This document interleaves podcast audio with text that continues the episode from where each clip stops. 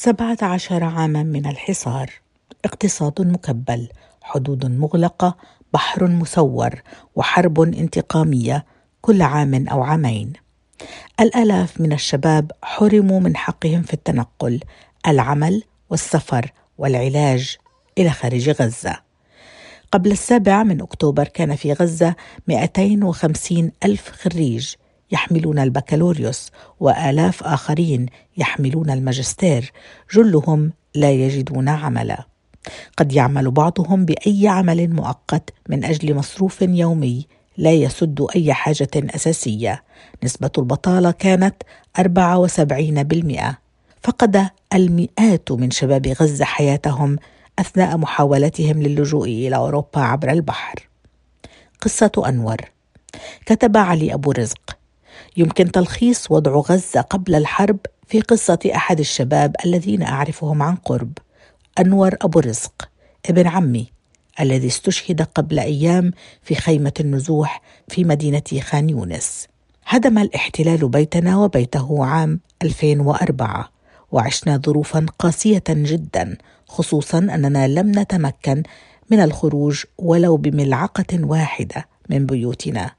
والأفظع أن فرح أخته كان في اليوم التالي للهدم ويشهد الله أن حنقنا على إفساد فرحة ابنة عمنا كان كما حنقنا على هدم بيوتنا أو أكثر قليلا.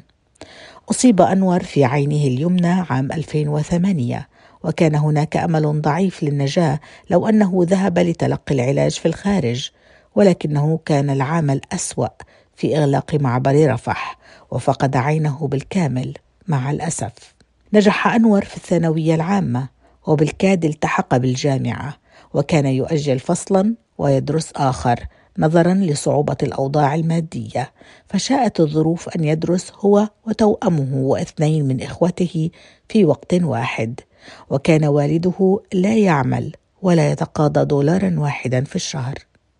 تخرج أنور من الجامعة بشق الأنفس وكغيره من عشرات آلاف الشباب.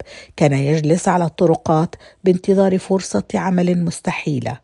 وكان لا يتوانى لحظة إن وجد فرصة عمل في الزراعة أو البناء ولو مرة واحدة في الأسبوع. بلغ أنور الثلاثين من العمر وكان يحلم أن يبني بيتا ويتزوج ويستقر ولكن كل الظروف كانت مستحيلة.